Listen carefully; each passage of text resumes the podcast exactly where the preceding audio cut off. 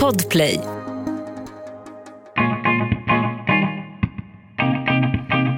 Denise Lopez har uppträtt världen över för publikhav på 50 000 människor. Hon har varit förband åt världsartister som Michael Jackson och 50 Cent och jobbar med de allra bästa låtskrivarna. För sex år sedan drabbades Denise av en familjetragedi som gjorde att hon valde att ta ett steg tillbaka.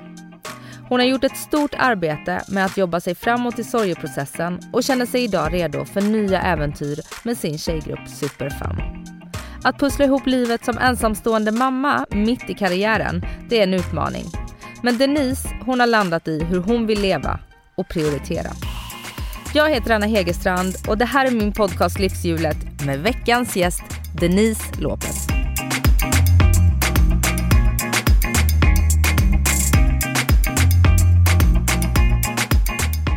Så roligt att du är här Denise. Ja men hej, tack. det är bråda dagar för dig. Ni har mycket att göra du och ditt eh, ny, nygamla tjejband får man väl Mm, säga. Ja men det är det. Vi har jättemycket att göra nu. Det är verkligen superkul med Superfam. Ja, och det som är lite roligt är att jag bjöd ju inte in dig för att du är aktuell med Superfem. Utan jag bjöd ju in dig i samband med att vi pratade om ett annat, än så länge lite hemligt projekt. Ja men precis. Ja, och då passade du på att berätta att snart så kommer det, ja, vi nog synas en del i media och det har ni verkligen gjort. Mm. Det har Ja. gått fort om man ser det så. Men vi har ju ändå jobbat sen eh, våren 2021 med det här projektet. Mm. Och hur föddes idén? Det var Mia Schotte som satt hemma i sin kammare på, under pandemin och hade väl lite tråkigt så. Och Mia Schotte är ju en del i tjejgruppen Mio. Precis. Mm. Hon är den ena halvan av Mio och hon tyckte att det var lite avsaknad av kvinnliga fägringar eh, med just grupper. Mm. Och eh, bestämde sig för att nej, jag ska sätta ihop en tjejgrupp. Och då ringde hon Josefin Willers som är andra halvan i Mio och frågade vad hon tyckte. Ska vi utöka vår grupp? Ska vi, vad gör vi? Ja, men vi startar en ny grupp. Och då ringde de Therese Granqvist, också känd som Drömhus. Mm. Och Tessan sa ja. Och Tessan känner jag då sen väldigt länge tillbaka. Och då ringde de mig. Och jag sa också ja. och sen ringde vi Emilia och hon sa också ja. Så då blev vi fem. Och eh, Mio och du och Drömhus var ju alltså genrekollegor. Men Emilia hon hade ju en annan genre när hon var som störst med Big Big Girl. Ja, vi har pratat mycket om det just med genre. Jag var ju mest inne på soul R&B i min, i min värld. Jag var inte så mycket house, techno, eurodisco-soundet. Jag började ju som rb rappare och flög väl vidare på det tills jag träffade Max Martin och David Kryger, Cheiron-gänget. Och då började vi jobba med det soundet som jag då skapade tillsammans med dem med, med eh, just My Lover. Mm. Och när My Lover kom då blev det mer pop. Ja men exakt. Men Emilia, det är ju mer ballad och det gjorde egentligen Mio också. Så jag kan säga så att det, för mig är det så svårt att stoppa in musik i fack. Utan jag brukar säga så här, ja, men jag gör det jag känner för. För sen dess har jag gjort alla slags genrer man kan tänka sig egentligen, både schlager och Mm. R&B och pop och euro, euro mer clubhouse. Liksom. Så att, men Emilia var ju, vad ska vi säga, eh, top of the League. Man säger. Det var lite o, um, ouppnåeligt. Alltså hon slog igenom med buller och bång med, Mm. på en dag. Mm. Så att Emilia var ju också en sån person, eller artist som jag kände så här, wow, alltså gud vad kul. Jag vart så glad för hon fick en internationell karriär. Verkligen. Så alla vi är ju kvinnor som älskar när det går bra för andra. Mm. Och det bär vi med oss än idag. Att lyfta varandra. Och nu är ni, när det här avsnittet sänds så är det bara några dagar kvar till premiären av Vi som älskar 90-talet. Ja, Där jag kommer stå på första parkett i Göteborg så roligt. och vråla med till Everybody's Free. Ja, men kul. Ja. Hur, hur ehm, känns det inför det här? Det har ju varit paus nu några år med Mm. uppträdanden och så. Och du har ju jobbat väldigt intensivt som DJ. Mm. Eh, kanske inte så intensivt under pandemin. Nej, det vart tvärstopp. Ja. Eh, Man tog de jobben man fick och då, det man hann och sen ändrade de reglerna igen. Så det var ju verkligen från dag till dag. Men jag Mm. bestämde mig redan ganska tidigt att såna här situationer kan man inte påverka. Utan det finns två val här. Bli deprimerad eller bara använda sitt kreativa sinne och försöka må bra ändå och göra bra saker med familj och vänner och mm. försöka hitta på annat. Men vi som älskar 90-talet har ju alltid varit, sen det startade i Sverige, även för mig en jävligt rolig festival att gå på. Det är, alla samlas, man känner alla och det är så kul. Det är totalt prestigelöst. Alla mm. sjunger till alla låtar och det är liksom alla åldersgrupper. Så roligt så att när vi fick frågan av Joakim Stenhammar då, mm. som driver det här i Sverige, så, så vart vi super, super glada. Och planen då var ju inte att vi skulle släppa en cover som första singel. Det var ju inte alls på pipeline. Utan vi hade ju redan spelat in vår första singel som ska komma. Eh, den släpps den 17 juni. Mm. Och är bland annat skriven av en väldigt välkänd producent som är svensk, bor i USA. Jack Eriksson heter han. Han har skrivit otroligt mycket bra låtar som ligger på Billboard just nu. Så att, det var ju våran plan. Men jag kom på en liten idé att det kanske kan vara kul att göra en, en cover. För att samla ihop gänget och göra en 90-talscover. Och då ringde jag Hertzberg och Funke och frågade om de kan presentera någonting. Och då presenterade de Everybody's Free. Och, och vilka är Hertzberg och Funke? Hertzberg och Funke är ett producentteam som sitter i Göteborg. De gör covers. Eh, de har förmodligen plan på framtiden att inte bara göra covers de gör nog inte bara covers, de gör mer än så. De är producenter men de har släppt, det är de som har gjort den där, uh, vad heter gud, hur går den då? De gjorde med Backstreet Boys nu nyligen. Det går på radio. Googla Hatchberg funkar. I want it that way. Ja, mm. och sen gjorde de, gud vad heter han Eagle Eye Cherry-låten? Save Tonight. Save Tonight har de också gjort.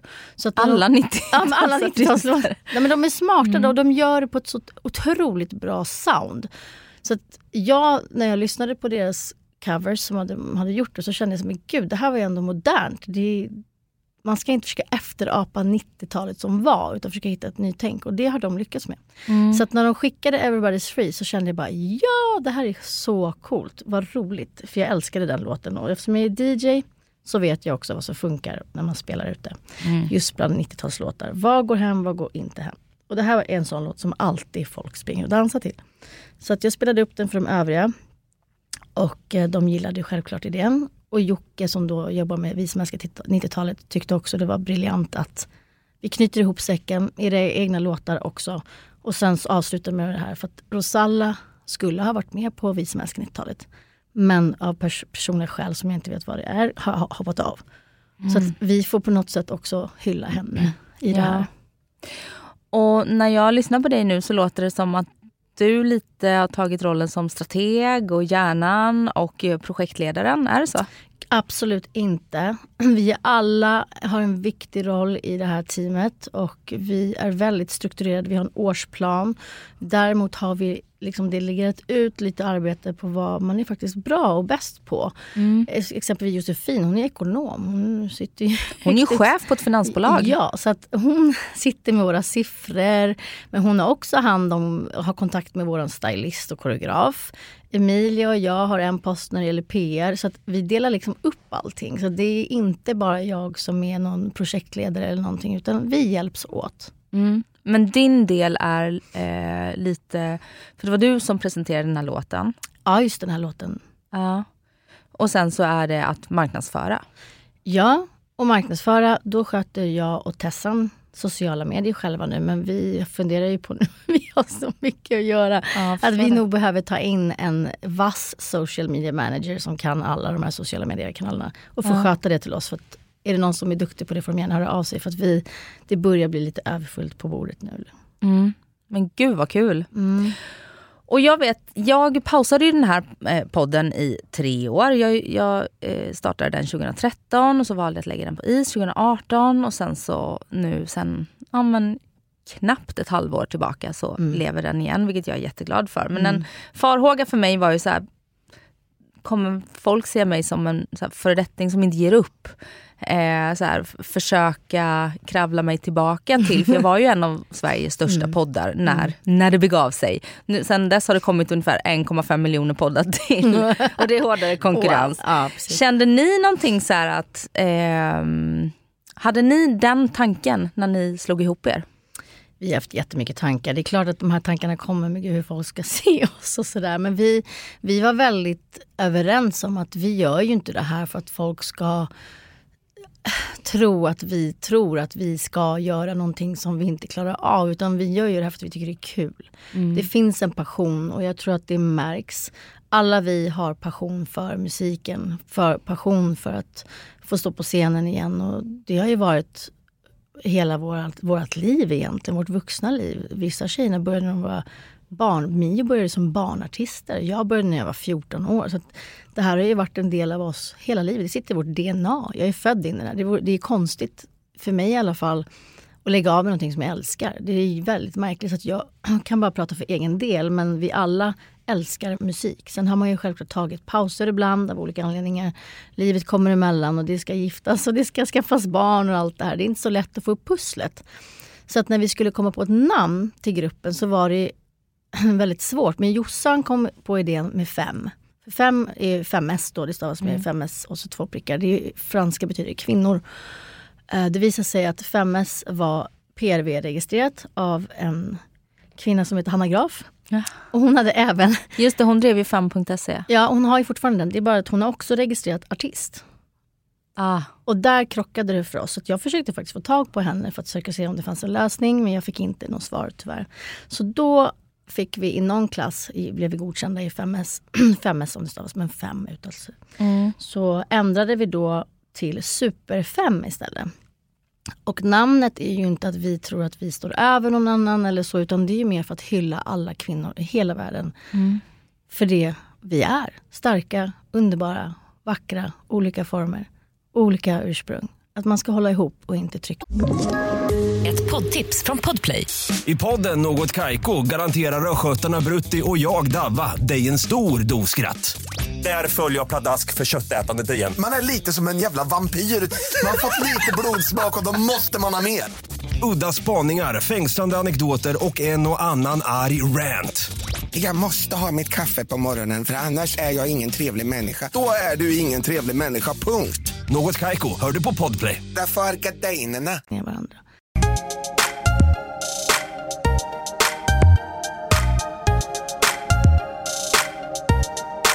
Du, om vi, eh, om vi går från Superfem till dig. Du mm. slog igenom på 90-talet stort och hade en otrolig karriär även utomlands. Framförallt Japan va? Mm. Där man till och med lät ta fram en, eh, en Didi-docka. Mm. Har jag läst. Mm. Och 99 så var du som enda artist, eh, svensk artist förband åt Michael Jackson. Och du har öppnat för 50 Cent i Helsingfors. Ja. Det här är saker som jag inte visste innan jag började läsa på. Mm. Och 2007 släppte du singeln Turn You On med eh, Press Precis. från Fugees. Eh, som ni turnerade ganska flitigt med. Mm. Hur hamnar man i de här stjärnsällskapen? Hur hamnar man liksom på en scen? För vi pratade om att nu kommer ni stå på en scen framför en stor publik på Vi som älskar 90-talet. Men jag kan mm. tänka att det inte ens är i närheten av hur det kan ha varit i Japan. Nej, det där var ju helt galet. Jag tror inte någon riktigt förstod, inte ens jag själv heller. När jag släppte den, min första singel, eh, egentligen släppte jag singel 93. My Crush hette den. Och mm. den skrev jag med, eh, då kallades han Purple, hans kollega Gecko. Ni känner honom som Alexander Kronlund. Ja, ja, Idol-jury. Ja. Mm. Eh, och vi skrev en låt som hette My Crush. Och den släpptes. Och det var ju då i samma veva som jag upptäckte Ken Ring. Mm -hmm. Så Ken Ring är med i min video. Så att han fick ju rappa och dansa med mig på mina shower. Så Ken Ring har dig att tacka för sina framgångar? Eller för startskottet på dem? Inte. Men han har ju nämnt det själv. Det var han som tog upp det när det var den här äh, hiphopens äh, pionjär, pionjärer mm. så, så, tog han ju upp det själv att det var jag som upptäckte honom. Mm. Och det stämmer ju. Jag gav ju honom chansen och öppnade upp en dörr för honom. Sen har ju han själv banat vägen för sin egen karriär. Men ja. jag kanske öppnade glimten där. Mm. Uh, 93 var det, så att min första singel med Sony, när jag signade första kontraktet, det var ju, var ju då um, Take a step back. Och den var ju verkligen så här speciell låt som fortfarande sitter fast. Men Party var ju den låten som jag slog igenom med om man säger. När den skrevs så var det sista plattan, eller sista låten på albumplattan, eller på plattan som vi släppte 95. Mm. Så det var inte tänkt att den låten egentligen skulle bli en singel. Men den vart så bra och jag, Japan signade då vidare till eh, Sony Music i, i, Japan under en label som heter Epic och ville se min show och kom, jag tror att det var Uppsala de kom till. Och jag har ju alltid haft dansare på scenen, det händer lite grejer, mer som en, skulle jag säga, entertainer. Mm. Jag gillar att det händer grejer på scenen. Och de älskade det. De tyckte det var jättebra och de bara stod där och sjöng med på party. Liksom. Så att efter det fick jag en inbjudan till Japan att komma dit. Och jag förstod aldrig liksom hur det här skulle bana vägen. Förrän jag flera månader senare får frågan 99. då har vi hållit på liksom från 95 till 99. Om du vill spela på Tokyo Dome. Tokyo Dome är alltså den största arenan som finns i Japan, då i alla fall. Och det är där Michael Jackson spelar. Så det, arenan rymde ju 50 000 per kväll. Och det var inomhusarena så det var ju gigantiskt. Men medan mitt bokningsbolag United Stage och Dennis Karlsson trodde att det var 10 000. Mm. när vi kommer till arenan, jag stod där och tittade Dennis du måste ha räknat fel. Så att honom det känns så mycket större. Han bara, ja det är 50 000 Dennis. Jag har bara, då blir arvodet gånger fem. Nej jag fick ju väldigt bra betalt för den här spelningen men det var ja. ju helt sjukt. Det var ju nästan så att jag inte förstod själv mm. vad det här var. Och den sålde vi slut två kvällar idag. Träffade du Michael Jackson? Tyvärr inte. Uh, det var in and out på scenen men jag fick ju hänga med hela bandet och alla dansarna. Och, tyvärr, tyvärr säger jag verkligen. För det, han har ju varit en stor förebild för mig hela min uppväxt. Mm. Träffade du 50 Cent i Finland? Uh, gjorde jag det? Nej, alltså det hände ju sån incidenter så det var helt sjukt. Berätta. Pras hade några år senare, Pras är alltså Pras Michael heter han, han är en av medlemmarna i gruppen Fugees mm. som är en av världens största dåtidens hiphopartister. De sålde 50 mm. miljoner album. Uh, Pras och jag lärde känna varandra redan 94 i Stockholm därför att de skulle lansera då en uh, cool hiphopgrupp som skulle komma till Stockholm. Så att då ringde Sony och sa, vill du komma och kolla på dem? Och det gjorde jag. Och det var ju jätteintimt. Det var ju inte alls mycket folk. Det var Vadå, bara... Och det var Fugees? Det var Fugees. Så då lärde jag ju känna Pras och Wyclef och Lauren och allihopa. det är bara att jag och Pras höll kontakten sen mm. dess och fortfarande hörs än idag.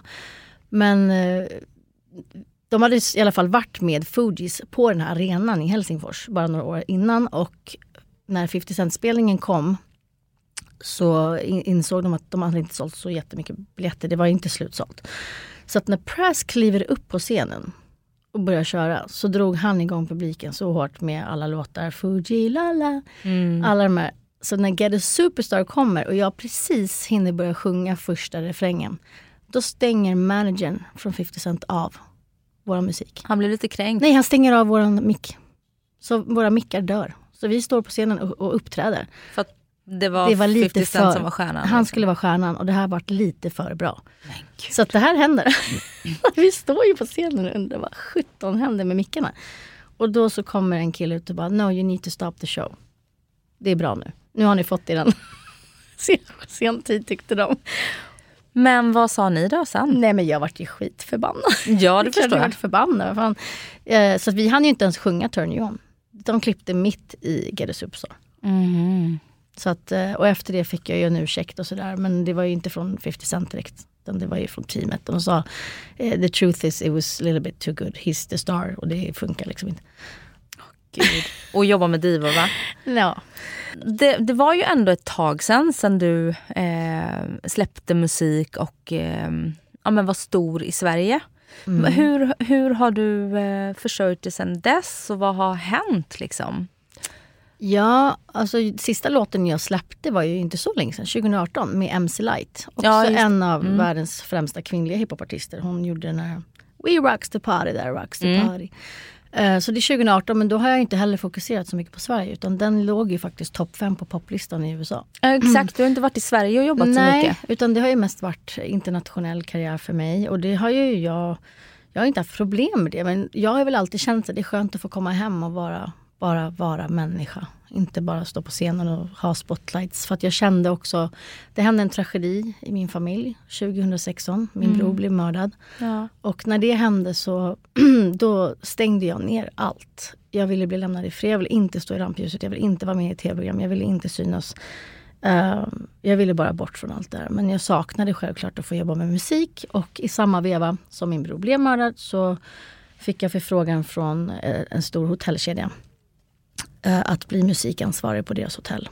Så då skötte jag alla bokningar där. Artistbokningar, lobbybokningar. Jag hade samarbete med Vasateatern, DJ-bokningar. Det var säkert 15 pass i veckan som skulle fyllas. Så det gjorde jag i ett års tid.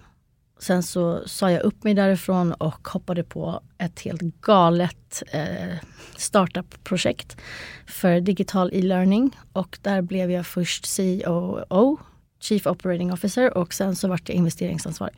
Jaha. Så att det jobbade jag också med ett år ungefär. Och sen så hoppade jag på nästa startup. Så att det är tre år som jag jobbade som heltidsanställd. Och i samband med det så gjorde jag också en massa DJ-gig. Just det. Vad var det där 2016 som gjorde att nej men nu vill jag flyga under radarn ett tag? Ja, att förlora, få ett samtal från sin pappa fem på morgonen att min bror har blivit brutalt ihjälskjuten. Det, Mm. det var det. Det var ett trauma som jag inte kan beskriva. Det är hemskt och jag har ju jobbat jättehårt för att bearbeta det. Mm. Så att jag behövde få vara i fred. Och Men de media skrev ju, han var ju så känd i Latinamerika. Hela, han var ju programledare för INTT News. Han hade precis släppt sin första långfilm, den går på Netflix. Um, så att man visste ju inte först om det här var en kidnappning som hade gått fel. Och det var ju det vi trodde. Så att det var ju det som skrevs i media. Men sen är det ju ingen som har följt upp vad det faktiskt var som hände. Det har inte skrivits om det. Och jag har inte pratat om det. Det här är första gången jag faktiskt pratar om det öppet så här. Uh, jag vill inte gå in på detaljer på vad som hände mer än att det var ett svartsjukedrama. Och det är ett beställningsmord och de som har gjort det sitter inlåsta. Och det är fem inblandade. Men det har tagit väldigt lång tid och väldigt mycket tid och kraft från familjen. Och det, det är ju en chock liksom. Försöka förklara för någon. Allt det ni ser på film, det var min verklighet. Ja, det är din lillebror. Ja, det var yngsta brorsan. Hur delaktig var du i var det rättegångsprocess och så?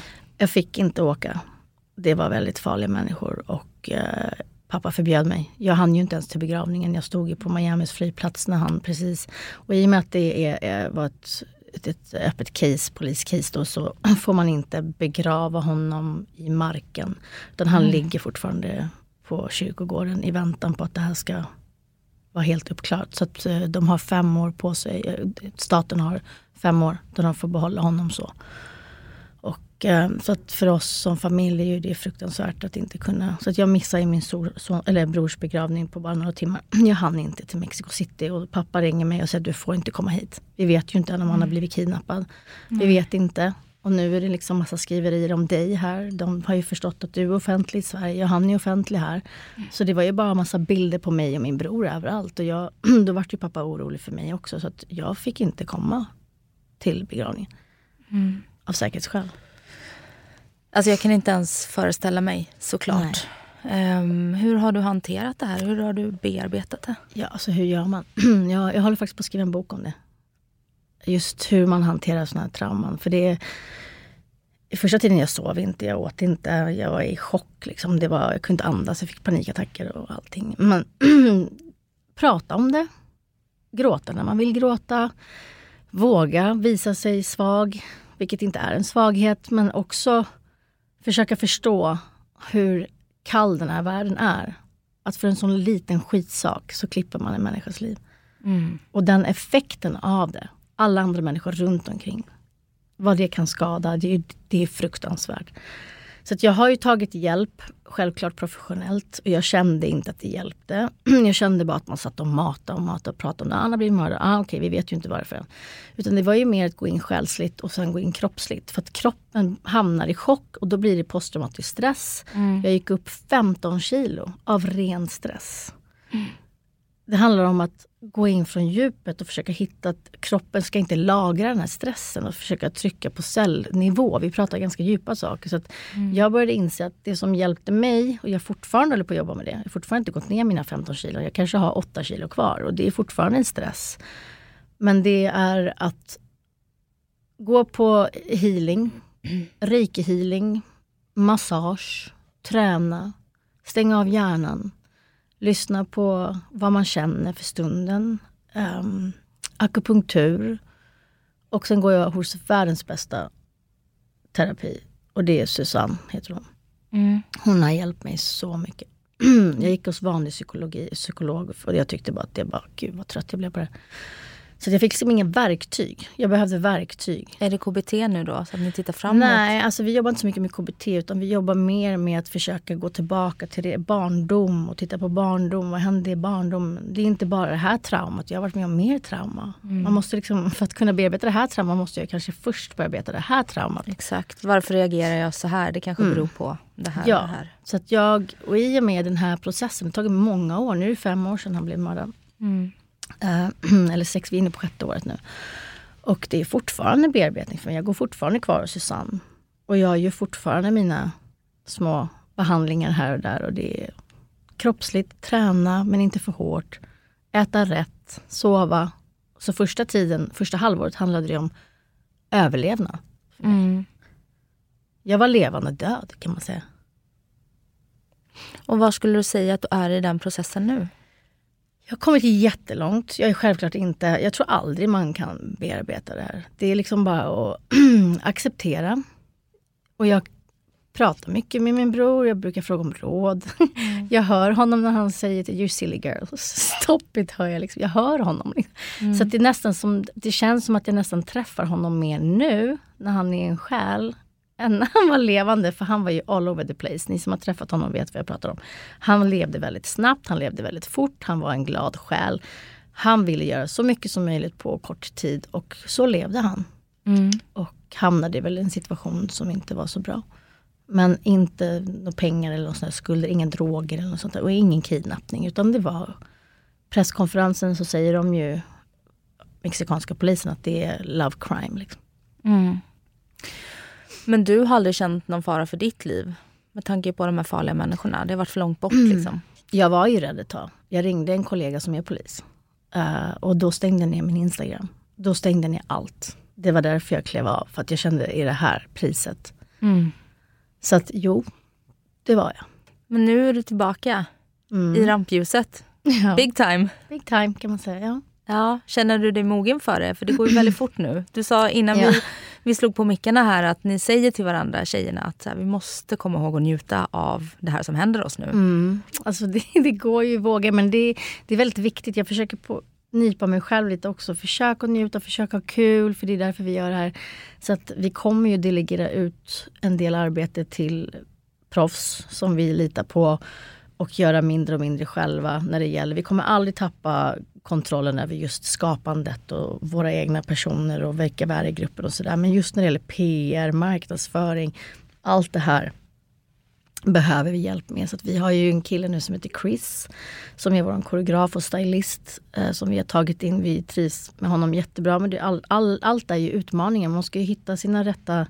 Det blir som ytterligare medlemmar i gruppen med dem vi tar in för vi kommer jobba så tajt. Så att det är viktigt att njuta och för att svara på din fråga om jag är redo. Jag tror aldrig man är riktigt redo. Men jag måste våga ta klivet nu och hoppa på det här tåget. Jag fyller 50 nästa vecka.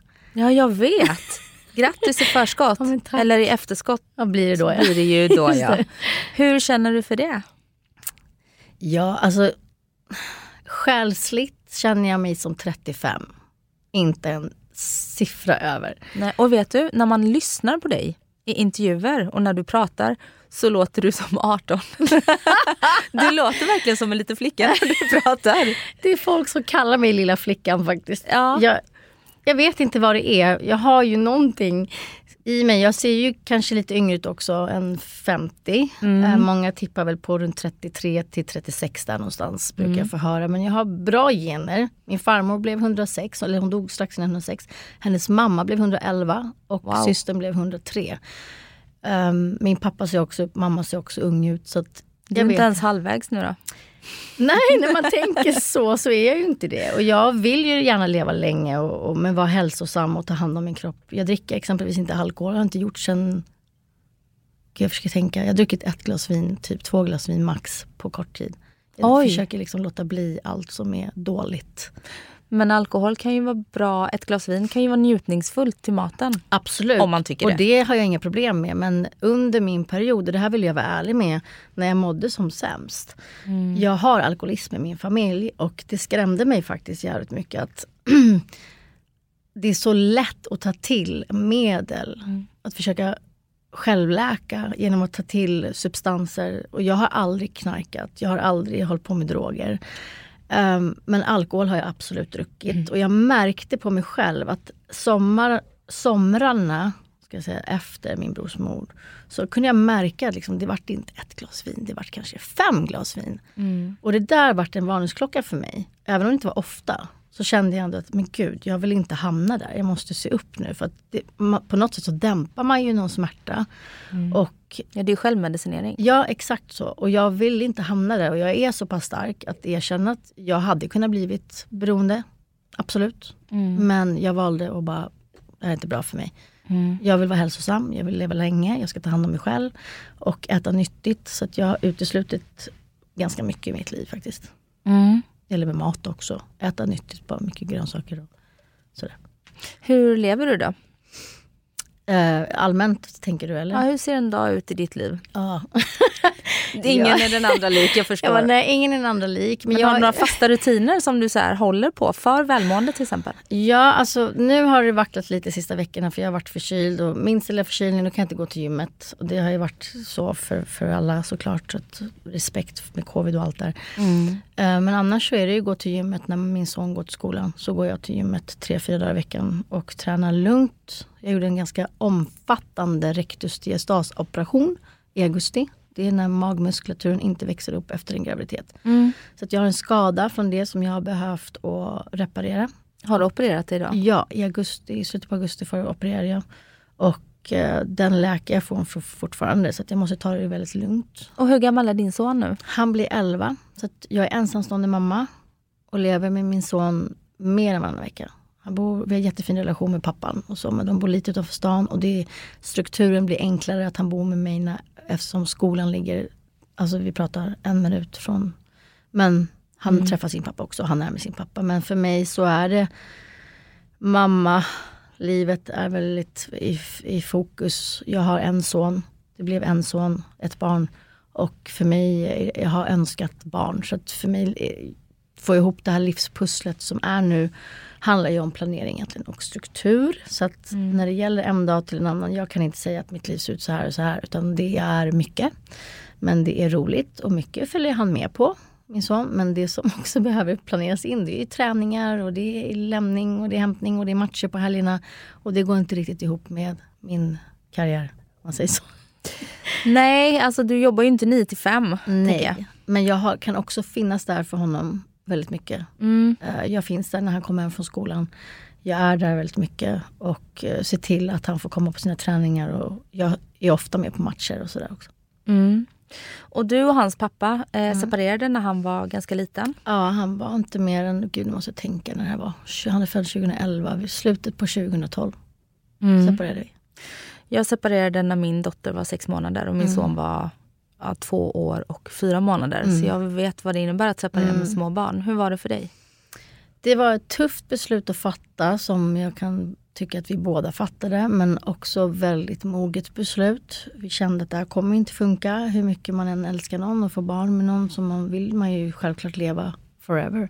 Mm. Men vi valde att mer jobba på att vara bra föräldrar för Malin. Mm. Och han träffade ganska snabbt efter Diana som han är tillsammans med än idag. Som jag har en väldigt fin relation till. Och mm. de har fått två döttrar. Så att Malin har syskon där. Ja. Så att relationen mellan oss har inte varit den mest friktionsfria om man säger. Men, Vilken relation mm. mellan två separerade föräldrar är det? Men jag tycker ändå att vi har lyckats väldigt bra. Och vi firar jul ihop ibland. Vi firar födelsedagar ihop. Och jag och Diana hörs som att hon är min vän. Hon, är liksom, hon är med min son lika mycket som jag är. Mm. Jag tycker det är så viktigt att man inte sätter barnen emellan. De ska aldrig bestraffas för våra idiotival eller beslut. Håll dem utanför och var vuxen, hur ledsen man än må vara. Det är mitt råd till alla mm. som skiljer sig. Och hur lever du idag? Lever du själv? Ja, lever ensamstående med min son. Mm. Uh, jag tycker inte om att prata privatliv. Så. Men jag har lämnat en lång relation bakom mig Eh, ställt in bröllop. Jag har under pandemin kommit så pass nära mig själv i mitt välmående med allt som har hänt att jag inser också vad som är bra för mig och inte bra för mig. Och att då efter en treårig relation bestämma att jag ställer in bröllopet nu. Jag kan inte leva kvar här. Det är det beslutet jag tog i höstas. Så att Där är jag. Mm. Och du trivs med att vara, ja, men, vara själv och eh, få leva precis som du vill? Ja. Så mycket du nu kan det med en 11-åring. Jag tror, ja, precis. Jag tror ju på kärleken och jag Mm. tror ju på att träffa. Men jag tror ju också att jag har gjort väldigt mycket fel val i livet. Beslut som baserats på att jag har inte känt mig själv riktigt. Jag kanske har varit kräsen men ändå inte riktigt kräsen. Och jag tror att jag kommer till en punkt idag när jag går över 50-årsgränsen och jag hade kunnat gifta mig nu om det är det jag vill ha.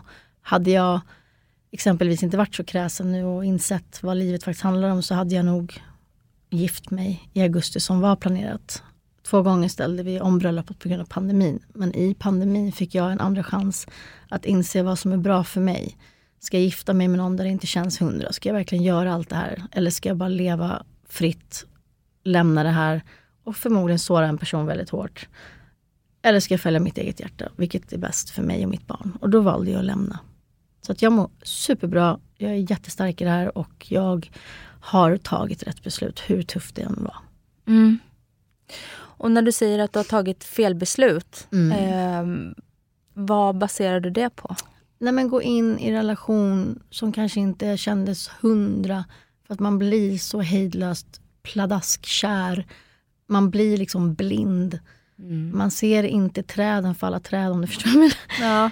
Ehm, och jag har väl varit svag för kärleken och haft en vision och få gifta mig och ha barn och gärna fler barn.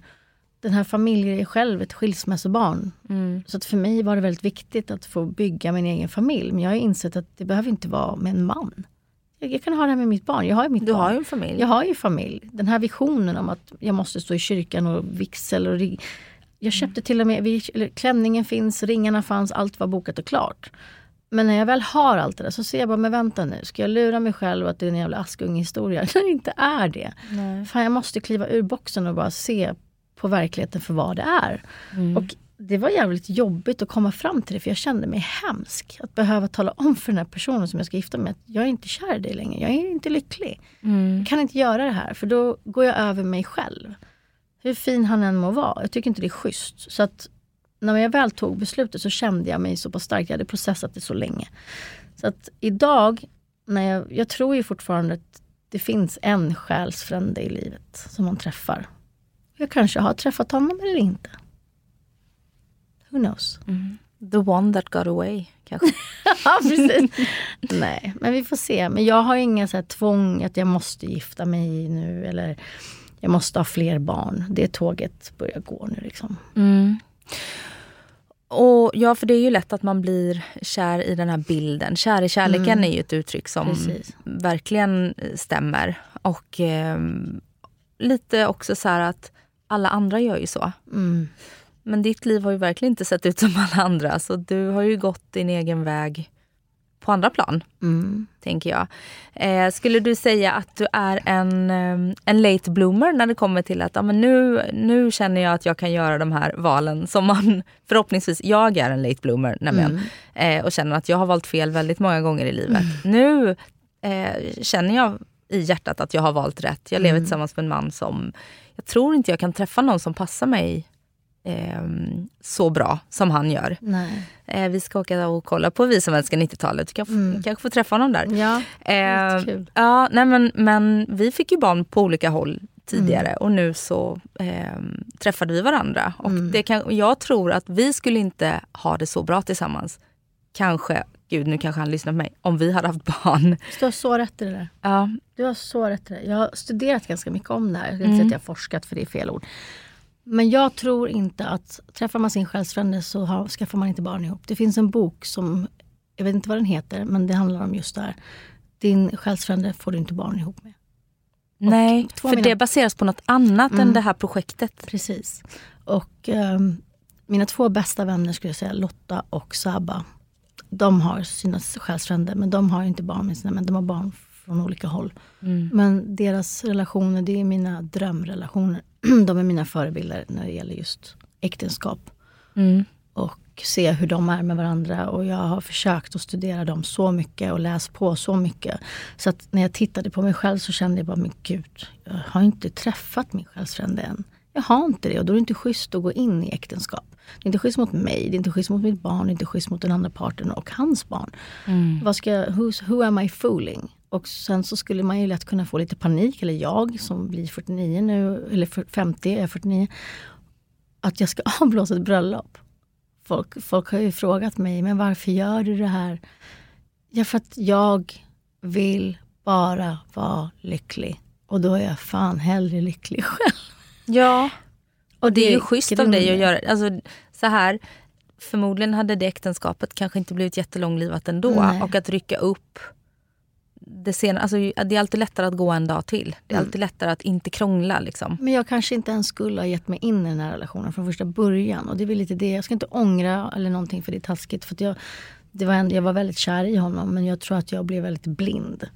Och jag såg inte eh, problemen. Jag skuffade dem åt sidan. Så. För man vill så gärna vara lycklig. Ja, man vill bara vara lycklig. Man vill bara ha den här tryggheten. Och, men jag kände mig inte trygg. Nej. Och det grundar sig inte bara i den andra parten. Det har ju med mig att göra också. Jag har ju barndomstrauman. Jag har ett mord att bearbeta. Det, det har liksom hänt så mycket i mitt liv. Och det, det ena efter det andra som har hänt. Och orka med det och sen försöka pussla ihop ett liv och få ihop en vardag. Och vi bor inte ens i samma ort. Nej. Vi ska inte ens kunna bo ihop. Ska jag gifta mig och sen inte kunna bo med min man? Nej. Så jag tror hellre på att jag gifter mig själsligt. Ett poddtips från Podplay. I podden Något Kaiko garanterar östgötarna Brutti och jag, Davva, dig en stor dos skratt. Där följer jag pladask för köttätandet igen. Man är lite som en jävla vampyr. Man har fått lite blodsmak och då måste man ha mer. Udda spaningar, fängslande anekdoter och en och annan arg rant. Jag måste ha mitt kaffe på morgonen för annars är jag ingen trevlig människa. Då är du ingen trevlig människa, punkt. Något Kaiko, hör du på Podplay. Därför är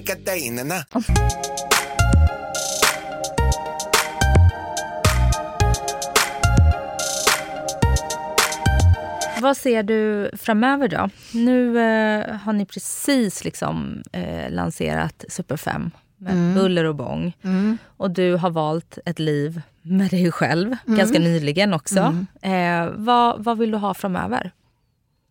När vi sitter här om fem år igen, Mm. vad hoppas du vara i livet då? Liksom? Wow, gud nu gör vi femårsplaner. svårt. Eh, jag vill så mycket. Jag tänker ju inte på tiden på det sättet. Och jag har ingen åldersnoja. Jag mår inte dåligt för att jag blir 50. Jag tycker att livet är fantastiskt. Jag har, lever för min bror också. Eh, jag vill resa. Min dröm är ett hus med pool, infinity pool. Jag vill bo vid havet, jag vill bo i värmen.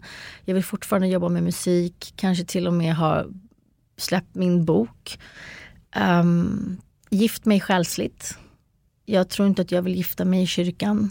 Uh, ska låta det vara osagt. Men det behöver inte vara på papper om du förstår vad jag menar. Jag måste inte ha allt det där. Inte låsa en människa. Jag vill vara en fri fågel med ansvar. Jag är tvilling och jag måste få vara den här fria fågeln. För att om jag inte får vara det då kommer jag dö. Så att jag vill bara njuta av livet och få ha min mamma, min pappa och mina syskon och min son och utvecklas vidare som människa. Mm. Då måste jag fråga, för du var anställd Mm. under ett par år. Hur var det själsligt? det var därför jag sa upp mig från det här hotellkedjan för att jag kände mig så låst. Ja. Där var jag tvungen att gå runt med kostym och skjorta. Alltså jag kände mig så malplacerad. Eh, Jag har inget problem att vara anställd. Det var en trygghet också som jag uppskattar så mycket. Men just när någon sätter mig i ett fack, det här måste du ha på dig. Så är det bara. Du ska stämpla in och du ska stämpla ut. Då, det går inte. Nej. Det är som att låsa in mig i en bur. Nej. Nobody puts baby in the Nej, corner. precis. Vad rolig du är. Vad är ditt bästa lifehack då för att sätta guldkant på, på din tillvaro i livet? Min son. Mm. Umgås mycket med honom. Ja, det är en utmaning också. Han är tio och en liten, liten minivariant av mig och pappan och älskar och sin egen person. Men det är jätteutmanande att vara mamma och själv och försöka fostra på rätt sätt och få honom att bana väg för allting som är i livet idag. Att bli en bra man. Det är vårt jobb, det är mitt jobb som mamma och göra det men det är ganska svårt. För jag känner mig misslyckad ibland. Men han är min glädje och min guldkant och sen självklart musiken. Mm. Hur är du som mamma? Alltså jag har nog varit en hönsmamma tror jag. Jag har ett barn. Eh, Han är mitt allt och jag har blivit tillsagd av pappa, men nu får det sluta. Ehm, jag tror att jag är ganska bestämd. Jag har regler, struktur, men jag kan också vara väldigt generös, slapp, skämma bort. Kanske lite väl mycket ibland och tro, har väl trott att ehm, jag är inte sådär så att jag, nu ska jag vara borta två timmar för länge, nu går jag och handlar grejer. Utan att jag köper honom på så sätt. Men jag kan ibland komma på mig själv att nu har jag köpt lite för många skor på en månad. Liksom. Kanske räcker nu. Han är lite bortskämd. Lite bortskämd. Och jag, så att, jag vet inte. En, en eh, delad hönsmamma, strukturerad, stark mamma. Ja. Ja, men jag tänker att när han ser dig så ser han ju en kvinna som klarar sig själv. Jo men det gör han. Men han, han, är ju, han är en liten musikkille. Du vet, jag stod och gjorde mitt sista DJ-gig tre dagar innan jag födde honom. Just det, det läste jag. Mm. Eh, han är ju född med musik, han är uppväxt med musik, han älskar musik. Eh, jag har frågat honom, jag har ju studio hemma, jag kan ju liksom spela in och han får sjunga. Han är inte riktigt redo än. Men han dansar och han håller på och han rappar och han kan alla låtar du kan tänka dig. Han kan texter som inte ens jag kan. Men jag tänker att jag vill inte pressa på honom utan han får komma någon dag själv när han är redo. Om han vill spela in någonting på skoj, bara få se hur det låter. Men vad härligt att ni delar det ändå Mm, eftersom det är en kul. stor passion för dig. Ja, men han tycker att det är lite pinsamt att mamma är i tidningen nu. Liksom. Han ty- du är lite cringe. Ja, det är lite pinsamt. Liksom. Ja, för han är ju tweenie snart. Mm, det är han. Men han tycker ändå att det är lite coolt. Så det är liksom Mm. Hans kompisar måste tycka att det är häftigt att hans Ingen mamma aning, jag har inte frågat. men det. Det hänger inte fler barn hemma hos er nu. Nej, inte mer. Nej, men alltså, när han fyllde ti- tio, då hade vi disco hemma. Var du DJ då? Då var jag DJ. Då spelade jag. Och då tyckte han att det var jättekul. Och jag har även lärt honom att spela, så han kan också spela. Ah, Så han är en mini-DJ. gud vad gulligt. Så att jag försöker ju lära honom och visa honom så mycket jag kan om det här. Sen så får det ju komma i stöt, stötvis. Men han spelar fotboll så, och jujutsu. Så att han har andra intressen också. Mm. Kommer han titta på dig när ni åker runt nu? Eh, I sommar kommer han resa med sin pappa. Fyra veckor faktiskt, eftersom jag har haft honom lite mer nu under skolhalvåret. Eh, och vi, så att svar nej på den frågan, sen kanske han tittar på TV då, men inte live. Mm, just det. Kan du koppla av och bara känna att så här, total frihet, inget barn i fyra veckor att ta ansvar för. Jag kan bara köra mitt eget race eller är saknaden för stor? Nej men jag saknar honom så mycket så att det är ju ont ibland. Så det, det längsta de har, han har varit ifrån mig är ju tre veckor tror jag. Och nu ska det vara fyra veckor. Och jag, det har ju varit jätte, jättejobbigt. Och det här är ju någonting som när man separerar från någon, då separerar man inte bara från partnern, man separerar också från sina barn. Men jag vet att han har en jättebra pappa, en jättebra exmamma, superfina syskon. De gör så roliga saker med barnen och för mig är det mer, vi kan höras på Facetime, vi ringer. Blir det för jobbigt och han är i närheten, då träffas vi. Förra sommaren flög jag ner till Marbella för att faktiskt vara med honom en vecka där. För att han saknar mig så mycket. Så att vi hittar alltid lösningar. Men det är klart det är jobbigt. Så svar nej, jag kan inte koppla av helt. Nej jag förstår det. Det Det som jag kan tänka eftersom att mina barn är lite yngre det är att han kan ju ringa dig Mm. När han vill. Ja. Jag är alltid beroende av att så här, skicka ett mess till deras pappa. Är det okej om jag ringer det klockslaget Mm. Ja. så att han ska kunna rodda liksom, Ja. tekniken och så? Men så har det ju varit för oss också. Ja. Men nu är det ju lättare eftersom han är äldre och han kan uttrycka sina känslor. Mm. Så det blir ju lättare så. Men han vet att jag kommer jobba mycket i- just i, under sommaren och han tycker att det är kul. Han är glad för min skull. Mm. Vad härligt. Du, vad skulle du säga är den största utmaningen i ditt liv just nu? Just nu, Få ihop det. Ja, alltså oj. Ja, få ihop det rent så strukturmässigt och praktiskt med allt vad det innebär med rep. Eh, inte låta min son få lida för att vi har en reptid samma tid han ska vara på träning. Mm. Det är väl den strukturen som är den största utmaningen. Har alla tjejerna i Super 5 barn i lite lägre åldrar? Eller? Ja, utom Tessan har hundar. Ja. Eh, det är hennes bebisar. Men, det finns ändå en förståelse för Ja men gud, att li- super... life first. Life first. Och jag är ju den som då är separerad. De andra har ju sina män där. Mm. Så de är ju två. Ehm, de förstår. Inga problem. Vi pratar jättemycket om det här. Och det, ibland följer barnen med. Det har hänt. Ibland följer Marlon med. Han har varit med på stylingmöten och ibland rep och sådär också. Han är väldigt enkel. Han tycker det är kul. Mm. Och min sista fråga. Var, vart vill du ta Super 5? Vart är ni om fem år? Och jag har ju träffat mina... Jag, alltså det känns ju som att jag har funnit mitt livs kärlek på något sätt. Och då är det inte i, då pratar inte vi man, kvinna eller kvinna, man, kvinna, kvinna så. Utan det här är någon En ny helt... liten familj. Ja, jag har fått en ny familj och den här utvecklingsfasen som vi är nu när vi faktiskt lär känna varandra från djupet, eller på djupet. Jag, jag tror att vi kommer att vara vänner för evigt. Jag tror att vi kommer att köra så länge vi bara kan, orkar och förmår. Och målet är ju Mello. Vi vill jättegärna få med en låt på Mello om vi hittar rätt låt. Eh, och sen, jag tycker jättegärna att det vore superkul att få ta fem ut i världen. Vi ligger på massa spellistor i hela världen just nu med Everybody's Free. Och USA är en av de marknader som faktiskt har öppnat upp mest för oss. Och Sverige har inte gjort det riktigt när det gäller radio än. Utan de spelar låten på så stora radiostationer. Men Sverige har inte börjat. Så jag hoppas att ni börjar. Vi sitter ju här i Bauer Medias lokaler så jag kanske kan presentera dig för nu. lite, hög, för lite höga höns här. Ja, jag börjar lära mig vilka de det är. vore så kul om även Sverige tog sig an det. Radio, för jag vet att radio är svårt. Men just jag undrar vad, vad det är som gör att vad, vad hela världen spelar men inte Sverige. Men det är ju samma sak som din karriär tidigare, hela världen. Eller USA och Japan. Mm. Ja. Alltså otroliga marknader. Men det har varit tyst om det i Sverige. Ja, och jag vet inte vad det är. Det är väl någon kanske högt uppsatt som inte gillar mig då. Eller oss. Jag vet inte vad jag ska säga. Jag vet inte vad det är. För vi frågar också den här frågan. Vad är det som händer? För att alla andra spelar, man kollar på våra playlist nu. Vi ligger på topplistor. Alltså det är jättestort. Så radiostationer i USA som aldrig skulle spela en sån här låt och spelar den här genren till och med. Så att vi blir ju lite förvånade också. Men vi är ju glada för allting som sker. Men just med fem så skulle jag tycka det var kul att få åka på en turné internationellt. Men vi vill ju gärna att vi ska göra Sverige också.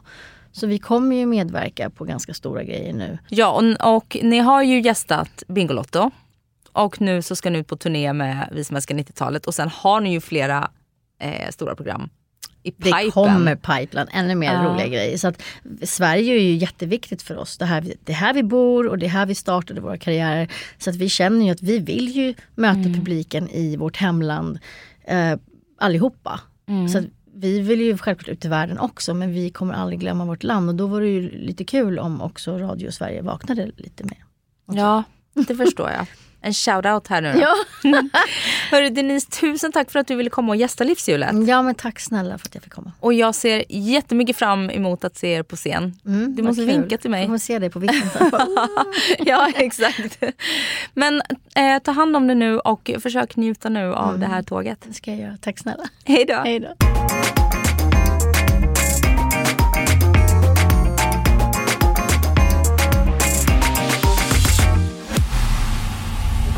Podplay, en del av Power Media. Poddtips från Podplay. I podden Något Kaiko garanterar östgötarna Brutti och jag, Davva, dig en stor dos skratt. Där följer jag pladask för köttätandet igen. Man är lite som en jävla vampyr. Man har fått lite blodsmak och då måste man ha mer. Udda spaningar, fängslande anekdoter och en och annan arg rant. Jag måste ha mitt kaffe på morgonen för annars är jag ingen trevlig människa. Då är du ingen trevlig människa, punkt. Något Kaiko, hör du på Podplay. Därför är gardinerna.